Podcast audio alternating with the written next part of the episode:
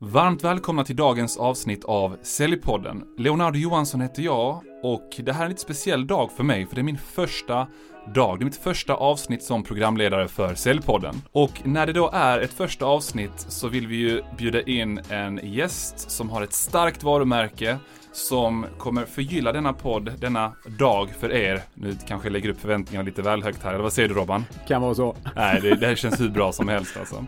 Jag ska strax introducera vår gäst för dagen. Först vill jag bara lyfta att vi har Säljarnas Riksförbund som huvudsponsor för podden. Och Säljarnas Riksförbund de hjälper då säljare där ute med inkomstförsäkring, med juridisk rådgivning och när man blir medlem på Säljarnas så får man utbildningar. Digitala utbildningar till ett värde av 40 000 kronor. Men med det sagt så vill jag nu introducera dagens gäst. Robban, berätta, vem är du?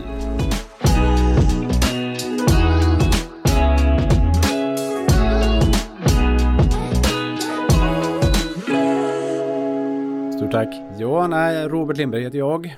Jag är eh, för dagen eh, grundare till eh, Premedia och har jobbat med LinkedIn eh, professionellt eh, de senaste sex åren. Och eh, det är rätt kul faktiskt. Vi kan berätta för, för de som lyssnar att det är första gången som du och jag träffas. Mm, absolut. Men vi har faktiskt haft ett samarbete via LinkedIn under fem års tid. Där vi har ingått i olika grupper och diskuterat strategier och byggt våra varumärken parallellt på olika sätt. Då. Och, och, dagens avsnitt kommer ju handla om, eller egentligen så var ursprungstanken att det skulle handla om hur man som säljare förbättrar sina möjligheter inför ett lönesamtal. Mm. Och då tänker man så här, men Robban, hur kommer du in i bilden? Jo, du är en förebild för mig och har varit det i flera års tid på hur man skapar sig ett varumärke som säljare, ett unikt varumärke. Hur man särskiljer sig som säljare när det finns så många duktiga säljare där ute och det inte bara handlar om att sälja så mycket som möjligt. Så därför är du här idag och vi ska se om vi kan snudda vid det här ämnet om vad man kan göra i ett lönesamtal också, mm. med praktiska tips för säljare. Eh, och jag vill ändå lyfta det här i början Robban, för du har över 20 000 följare på LinkedIn, du är internationell försäljningschef på Forlight och du har, hur många visningar var det som du hade av dina inlägg på LinkedIn hittills? Totalt sett om man säger så är det ungefär 15 miljoner visningar på, på kontot de senaste sex åren. 15 miljoner visningar. Herregud, hur hinner man med det då? Första åren när man säger det var, det var lite för mycket. Backa tillbaka till det hela man säger men att jag hade också eh, delvis betalt för att och en, en roll i att eh, jobba med LinkedIn som, som ett, eh, en kanal och ett verktyg att kommunicera ut våra värden då. Mm, mm. Så att eh, här, här är ju en av delarna man säger, som jag brukar prata om väldigt mycket i, i mina samtal med, med kunderna. Det är att man, man behöver, man måste alltså få ett mandat, mm. tid och resurs för att göra det här jobbet. Och som allt annat så, så kräver det att man ger 100% mm. egentligen. För, och en, en, jag har varit dedikerad eh, LinkedIn Eh, de senaste sex åren på både gott och ont mm. kan jag säga. Har ju skapat ett fantastiskt nätverk och, och, och relationer under den här mm. resan. Men det har ju också tagit stryk om vi uttrycker det så på, på, på det privata planet. Okay. Så att man får, eh, man får respekt för att innan man hittar balansen mm. och tryggheten egentligen i arbetet att man provar sig fram. Mm. Men det här väcker en intressant fråga ur, ur mitt perspektiv som säkert många där ute funderar på. Hur många timmar i veckan skulle du rekommendera den typiska säljaren där ute att spendera på LinkedIn? Ja, det är en svår fråga faktiskt. Mm. För att eh, i början givetvis så tar det ju tid mm. innan man bygger upp ett, kan man kalla det, en position mm. i, i sin bransch och sin nisch. Så att jag skulle egentligen vilja säga att man eh, börjar man med en två, tre timmar i mm. veckan mm och är ute och kommenterar. Mm. Gillar och, och liksom engagera sig mm. i, i, andras eh, arbete. Just det. Så får man en smidig start mm. utan att man behöver hålla på och, och ge, alltså skapa egna eh, inlägg och, och, och, artiklar och allt vad vi håller på med. Och det här är ett väldigt strategiskt bra sätt att eh, komma igång. Ja. Och sen så börjar man liksom att lära känna lite folk. Man, man, man jobbar då med, eh, med att man eh, söker upp ett antal personer som man är intresserad av. Man kan se mycket som Leonardo, som du till exempel, man säger man, man tar och connectar med dig. Mm. Börjar kommunicera i ett PM då, som vi kallar det och eh, så tar man det därifrån. Mm. Och det som jag brukar säga och om man förenklar LinkedIn mm. så brukar vi säga att man kan jobba då både kortsiktigt mm. för att skapa affärer mm. med en gång. Och sen så har man den långsiktiga biten där du över tid bygger ett varumärke. Och här har vi ju två delar som väldigt många egentligen missar i, i tanken och det är det att du, du jobbar ju på ett företag. Och i mitt fall om man säger som i mitt eget då, Premedia. Den bygger jag på lång sikt. Men jag tar ju kontakt med dig för att skapa en liten relation och sen så tar vi lyfter luren eller så tar vi ett Teamsmöte och så lyssnar in och man säger okej okay, vad har vi för behov, vad har vi för intressen egentligen gemensamt. Just det. Och sen så kommer vi till ett möte och då smackar man så här, då har vi liksom en affär på gång med en gång. Va? Så att det är det jag menar med att säga att du har den kortsiktiga biten, men du har också den långsiktiga. Bra. Och vi ska prata mer om de här bitarna om en liten stund när vi går in på hur man kan skapa USPar, unique selling points för sig själv som säljare mm. inför till exempel då lönesamtal, utvecklingssamtal för att kunna särskilja sig från den stora mängden säljare där ute. Men jag tänkte först fråga dig, för du är ändå en person som jag har sett upp till under flera år när det kommer till LinkedIn och hur man bygger ett varumärke på LinkedIn. Men i övrigt, vad har du gjort i din karriär som du är extra stolt över? Alltså finns det någonting du vill poängtera som är så här, det här kanske kan inspirera folk där ute som lyssnar på det här avsnittet? Ja, det finns ett par olika saker som faktiskt som, som eh, kommer upp i tanken. Ehm, den ena biten är ju, jag har ju ett eh, idrottsförflutet. Ehm, där ehm, jag har haft det ungefär en tio år i elitserien och varit proffs nere i Schweiz. Och ta sig steget ner, för att läsa språket, eh, givetvis tjäna en del pengar på det hela men också ha väldigt roligt eh, på den resan. Jag kan ju starkt rekommendera att om man så har man möjligheten att, att ta ett steg ut i det okända. Våga ta steget säger jag bara om man säger för att det, det, det, det gör en jätteskillnad både i självförtroendet men också hela självbilden. Så man vet i, i, i efterhand när man säger då att eh, när man går in på nya roller, man säger att det, det blir enklare. Det är så häftigt att du nämner det här för i nästa vecka ska jag hålla en föreläsning som handlar just om de här bitarna. Motivation, målsättning, hur man vågar gå ur sin comfort zone. Mm. Och någon som har varit en inspirationskälla för mig är en man vid namn Jia Jiang. Okej, okay? Jia Jiang. Om ni som lyssnar på det här skulle googla hans namn J-I-A mellanslag J-I-A-N-G så kommer ni se hans TED-talk TED Talks för de som inte är medvetna om vad det är. Det är en hemsida som samlar några av världens främsta föreläsare.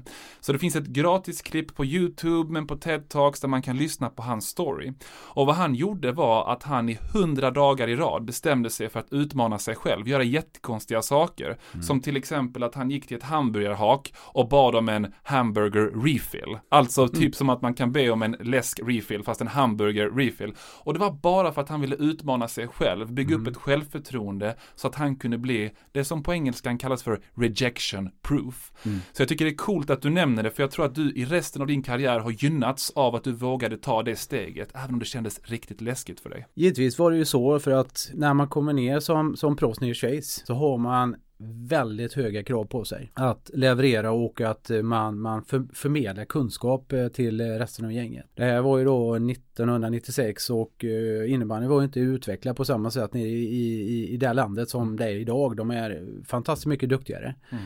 Men det gäller liksom att hitta den här balansen och tryggheten i, i sig själv. Yep.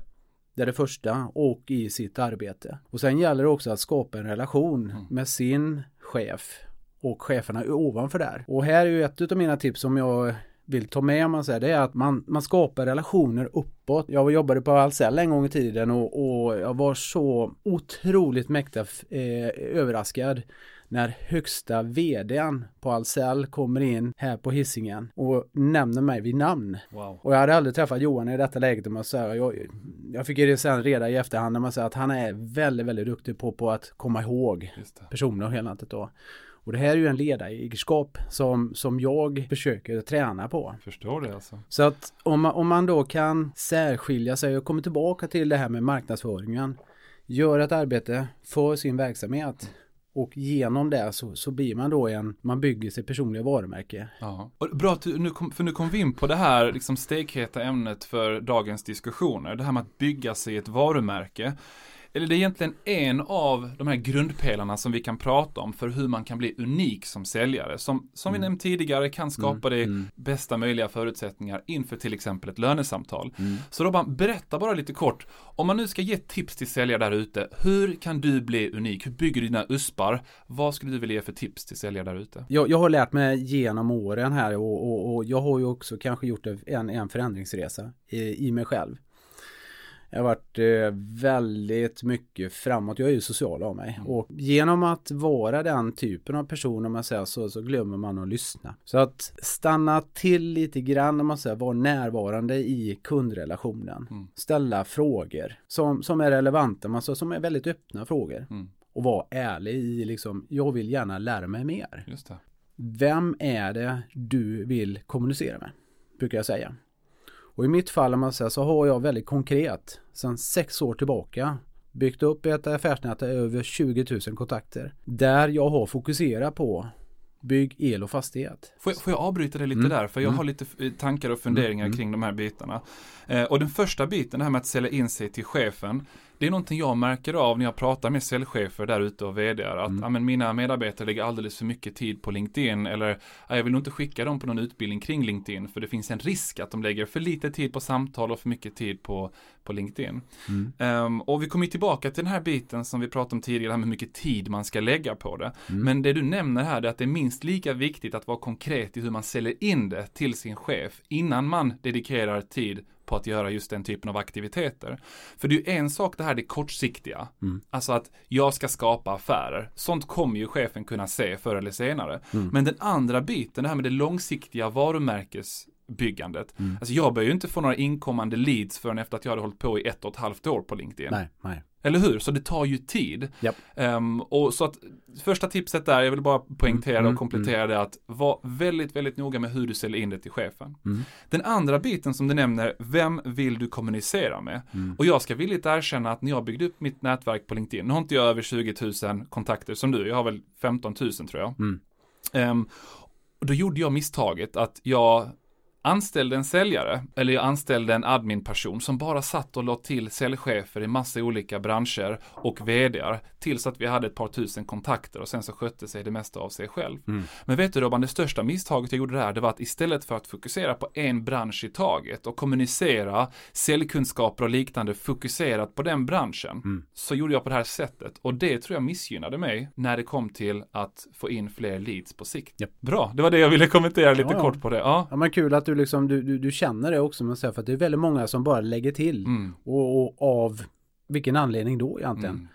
Och jag kan vara brutalt ärlig i detta läget och säga det att det är många som inte kommer in i mitt nätverk idag. Är det så att det är någon som är intressant så ställer jag också följdfrågorna med säger du jag är nyfiken på varför du vill ha till mig. Just det. Ger du mig då inte svaret så lovar jag dig att då åker du ut lika ja. snabbt som du kom in. Ja även någon, nu, nu uttrycker jag mig lite fräckt kanske, men även någon som du som har 21 000 kontakter, som lever på att mm. utöka ditt nätverk, eller även någon som du, det är mm. snarare speciellt någon som du, eller hur? Bör vara väldigt försiktig med vilka man lägger till och inte lägger till, för annars kan man lätt bli bestraffad av LinkedIn, eller? Med algoritmerna. Alltså det finns ingen och då poängterar jag ingen förutom de som jobbar på LinkedIn centralt mm. som vet hur algoritmerna funkar. Okay. Och alltså att tro någonting annat än man säger det är bara löjligt. Okay. Det är min första man säger. Man får kanske det sitter olika grupper, de får testa olika saker. Mm. Men vad det är som gäller, man säger nej. Just det. Utan det här handlar om att så, prova sig fram att eh, dels då skapa relationerna, mm. lära känna mm. sina kontakter och förstå hur branschen fungerar.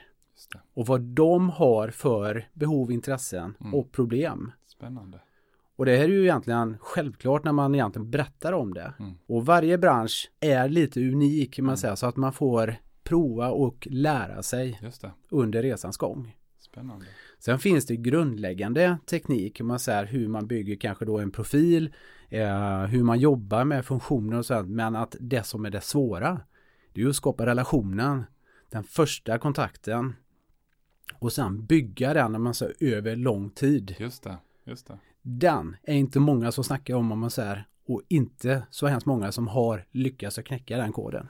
Och, och där kommer vi in på ursprungsämnet i det här poddavsnittet igen, nämligen hur kan du bli unik som säljare som bland annat kan skapa de bästa möjliga förutsättningarna inför till exempel då ett lönesamtal. Mm.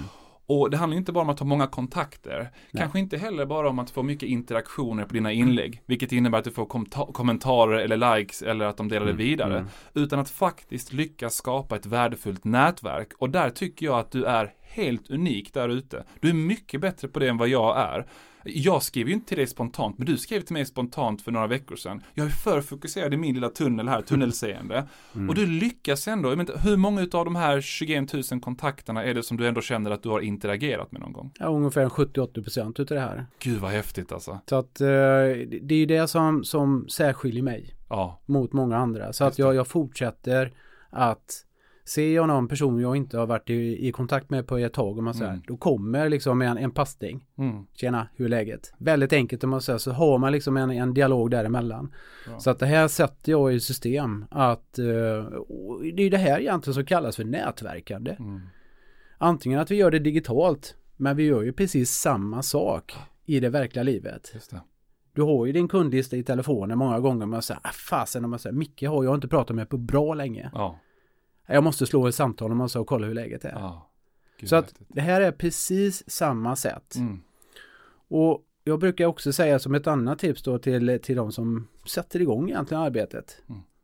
Andas ut, ner med axlarna lite grann när man säger och ta det precis som att det här är en kompis i mig.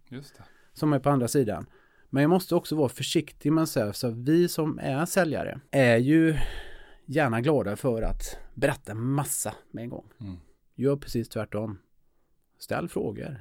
Öppna frågor om man säger hur funkar det? Mycket att göra. Mm. Hur går och, det för er? Och det, och det är någonting som jag ibland när jag hör som ett tips på LinkedIn brukar motargument, alltså jag brukar ha lite motargument mot det. För att om det är en kontakt som du inte eh, känner mm. hittills och du mm. börjar ställa öppna frågor så är sannolikheten ganska så låg att personen öppnar upp sig. Mm. Eh, däremot så tror jag att du är mer inne på att när du väl har skapat en kontakt, när du väl har någon i ditt ja. nätverk, ja. Mm. att visa intresse för personen istället för att bara, mm. som vissa gör på LinkedIn, skriva en hel radda med, ja. ska man säga, eh, text om vad de gör, vad de kan sälja till dig.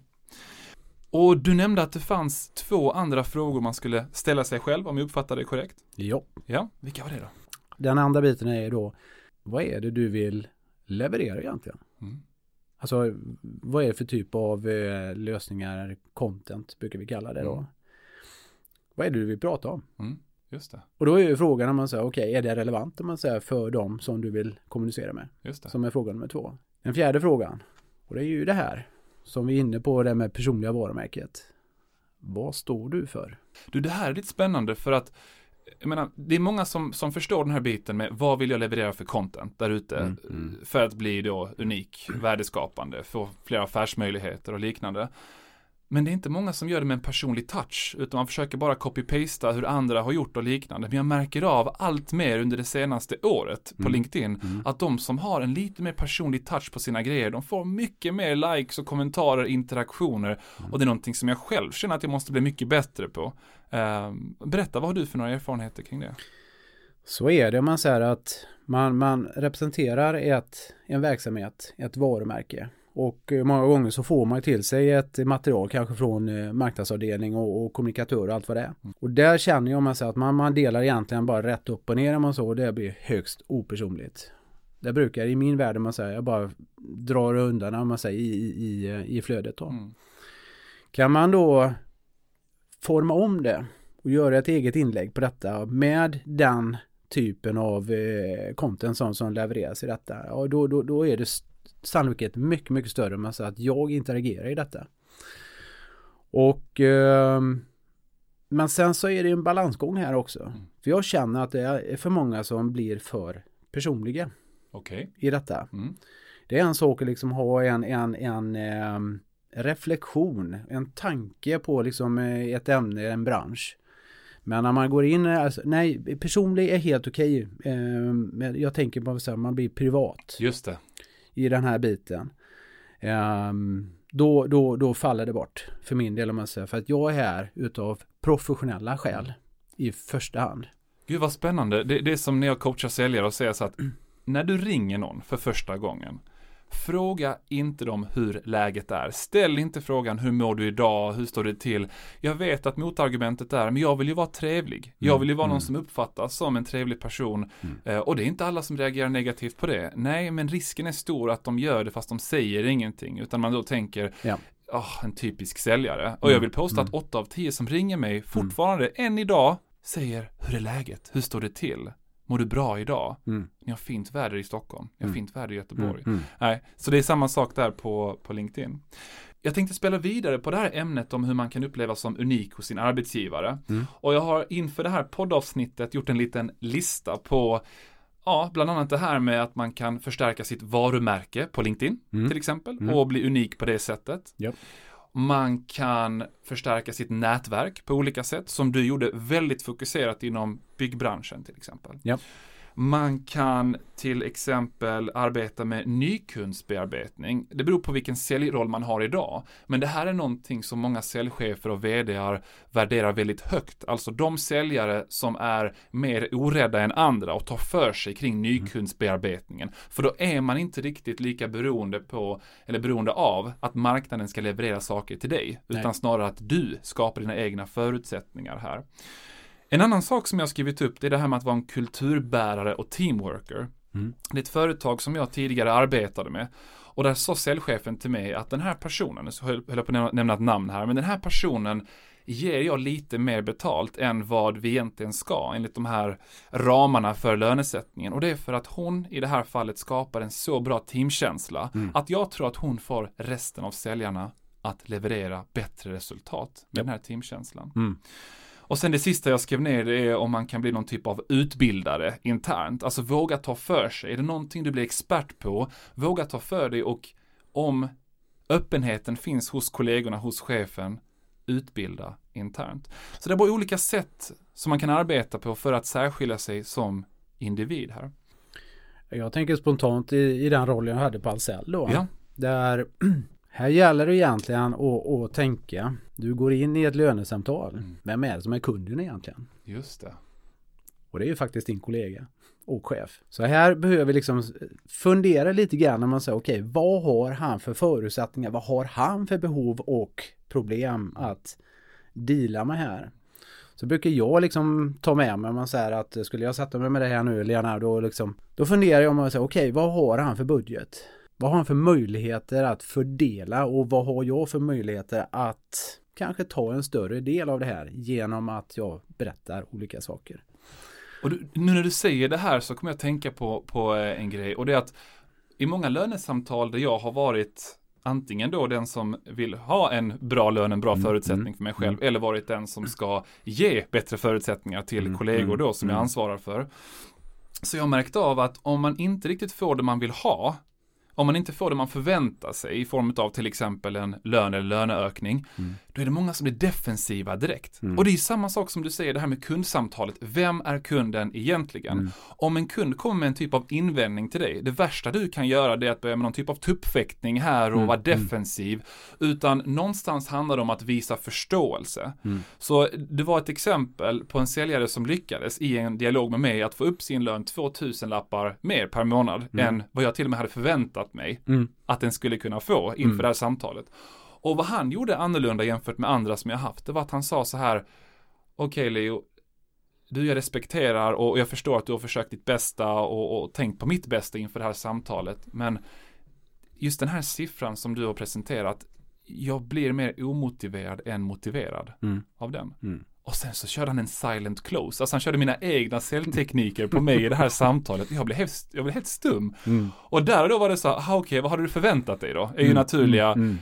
Ja, ungefär i det här spannet. Mm. Ja, men det hade inte jag kunnat, jag hade, inte- jag hade inte tänkt i de spannen inför det här samtalet. Och vet du vad han sa då Robban? Då sa Nej. han så här, okej, men vi kan pausa det här samtalet. Alltså, alltså han ägde mig i det här samtalet och då är jag ändå en utbildare inom Ja, förhandlingsteknik. Han bara, vi kan pausa det här samtalet så kan vi ta ett nytt samtal i nästa vecka så både du och jag har hunnit Mm, fundera mm, på mm. hur vi vill ha det här. Alltså jag blir livrädd.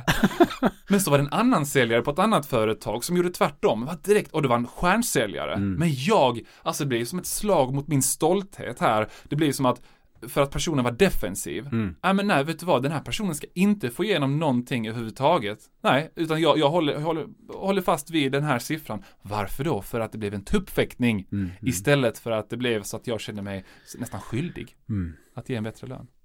Nej, det, det, det som jag försöker fundera på antingen att det är kundsamtal eller att det är lönesamtal i det här läget. Mm. Det är hur kan vi skapa en- win-win? Har vi inte den, då, inte jag, alltså, då vill inte jag vara där överhuvudtaget. Alltså, då, då, då backar jag hellre istället. Mm. För att det ska ju inte vara så att en kund känner att han, så här, han sitter över mig. Eller våra företag eller våran eh, verksamhet. Mm. Och styr och ställer. Man säger, för då söker jag mig faktiskt till någon annan. Och det är det här som som handlar om, om så, vad står du för? Vad, Mm. vad, vilka värderingar går du med in i, i ett samarbete? Ja, Och har man inte den tanken med sig, men så, Mm. så tror jag inte det håller långsiktigt. nej, precis. Och, och det, här, det här fick mig också tänka på en annan sak, som jag vet inte om du, du har stött på det här i lönesamtal med kollegor. Det är när man skyller på omvärlden istället för att ta ett eget ansvar för sin prestation. Ja, men visst, eh, vi, vi, vi sitter i en pandemi, man säger. Det, är- det, är liksom, det drabbar precis alla Ja. i stort sett. Sen finns det vissa branscher man säger, som, som mår bra ut och det här också givetvis. Va? Men för de allra flesta så påverkar det negativt tyvärr. Ja, Men vad jag menade i, i det här, alltså att man, man, man ser, tittar bakåt och man säger vilka kundämnen mm, kan vi utveckla? Och hur kan vi inkludera fler utav kollegorna? Mm. För att ju fler kontaktytor vi har. Och slussa in dem i företaget, om man säger, desto större sannolikhet om man säger man sätter sig fast då. Precis, precis, precis. Och hade jag suttit på andra sidan om man säger, och hört det som, som chef, om man säger, den här personen vill inkludera fler utav sina kollegor och jobba i teamandan som vi gör då i, i, i sportens värld. Alltså den personen är ju värd mer. Ja, där föll polletten ner för, för mig också. Så att ha förberett argument, inte bara för varför jag kommer sälja mycket under nästa år, utan även för specifika kundcase där Mm, potentialen är störst. Ja. Att prata med säljchefen i det här fallet om de här bitarna och få den att förstå att ja, jag kommer vilja invol- involvera fler kollegor, inte bara hos kunden, kanske till och med hos oss, Mm. för att kunna utveckla den här kunden och därmed ge dig en trygghet Ja. i att kunna ge mig en bättre lön. Alldeles riktigt. Gud vad häftigt. Om man tittar man sen på Ahlsell, man säger det, man är ett fantastiskt företag. Mm. Om, om jag nu jobbar då med personliga skyddet, Mm. men jag ser också att det finns VVS-bitar och det, det. finns eldelar man säger, som, som vi kan. Vi är inte där. Mm. Ja men hallå, man säger, jag har ju relationer man säger, men jag kan ju alltså skapa nya kontaktytor för kollegorna. Exakt. Och ha, alltså ser man en sån person som verkligen glöder i Ja. det här läget om man säger, alltså jag, jag släpper aldrig en sån person. Ja, För att det här är supervärt för vilken verksamhet som helst. häftigt. häftigt. Och egentligen så är ju det här samma sätt som vi jobbar på LinkedIn. Mm. Vi har en relation och våga släppa den kontaktytan till någon annan. Mm. Man har bestämt sig för att jobba tillsammans med. Just det. Och att jobba med LinkedIn som ett verktyg handlar väldigt mycket om att skapa förtroende för varandra. Ja men gud vad häftigt. Och, och med det sagt så tänkte jag sammanfatta lite grann lärdomarna utifrån dagens poddavsnitt. Jag ska se om jag lyckats komma ihåg det mesta, annars får du komplettera här Robban. Och en sak som jag tänker på spontant är att gör inte som Leo, gör som Robban när det kommer till att bygga upp ditt nätverk. Alltså ha ett laserlikt fokus på en bransch i taget. Även om du säljer en produkt, en tjänst, som jag i mitt fall säljutbildningar, som kan vara applicerbar eller relevant för flera olika branscher. En bransch i taget, då blir budskapen som du förmedlar mycket mer träffsäkra. En annan sak som vi har pratat om det är, ja det är fem olika sätt tror jag, om eh, hur du kan bli eller särskilja dig eh, och få uspar som säljare. Mm. Oavsett om du säljer jättemycket eller inte lika mycket som andra. LinkedIn, skapa ett bra varumärke. Två, nätverk. Alltså nätverka med rätt typer av målgrupper. Våga skriva till de som du har kontakt med på LinkedIn. Så Mm. att de inte bara ligger där som kontakter. Nummer tre, att ta för dig om möjligt i din roll som säljare i nykundssamtalen. Våga särskilja dig från 95% av alla säljare där ute att gå ur din comfort zone på det sättet. Vi pratade om att vara en kulturbärare, teamworker. Vi pratade om att kunna vara en utbildare. Mm. Och sen så nämnde jag det här tipset också med Jia Jiang. Att kika gärna in på honom på YouTube eller på TED Talks så kommer ni förhoppningsvis bli inspirerade av hans resa om hur man blir rejection proof. Alltså vågar gå ur sin comfort zone. Du, jag tänkte säga så här, eller tänkte fråga dig Robban, eh, om man vill ta kontakt med dig, hur gör man då? Ja, enklast är ju att söka på LinkedIn. Ja, Men då får man också gärna berätta varför man gör det. Och eh, jag ställer mer än gärna upp om man säger, men då, då, då vill jag känna lite engagemang. Jag vill se glöden genom den här texten på något sätt. Bra. Då är jag mer än behjälplig att eh, ställa upp. Mm. Jobbar också med eh, både coachningar men utbildningar av företag. Mm. Eh, alltså om man då vill bygga en, en position och ta en ledande position på, på LinkedIn som verktyg. Mm. Men vi jobbar också väldigt mycket med varumärkesutveckling. Mm. Vi pratar identitet. Eh, vi pratar ett löfte ut mot marknaden. Har man det behovet och liksom att förstå det här bättre. Då är man välkommen att höra av sig. Bra. Robert Lindberg, eller ja, hur? Ja, på Premedia. På Premedia. Mm. Fantastiskt Så- bra. Mm. Eh, och jag vill avsluta det här poddavsnittet med att återigen göra lite reklam för vår huvudsponsor Säljarnas Riksförbund, där ni kan få en riktigt bra inkomstförsäkring, juridisk rådgivning och utbildningar till ett värde av över 40 000 kronor när man då blir eller är medlem. Och eh, dessutom påminner jag om att prenumerera vart du än lyssnar på det här avsnittet, för det kommer massa, massa spännande avsnitt här framåt.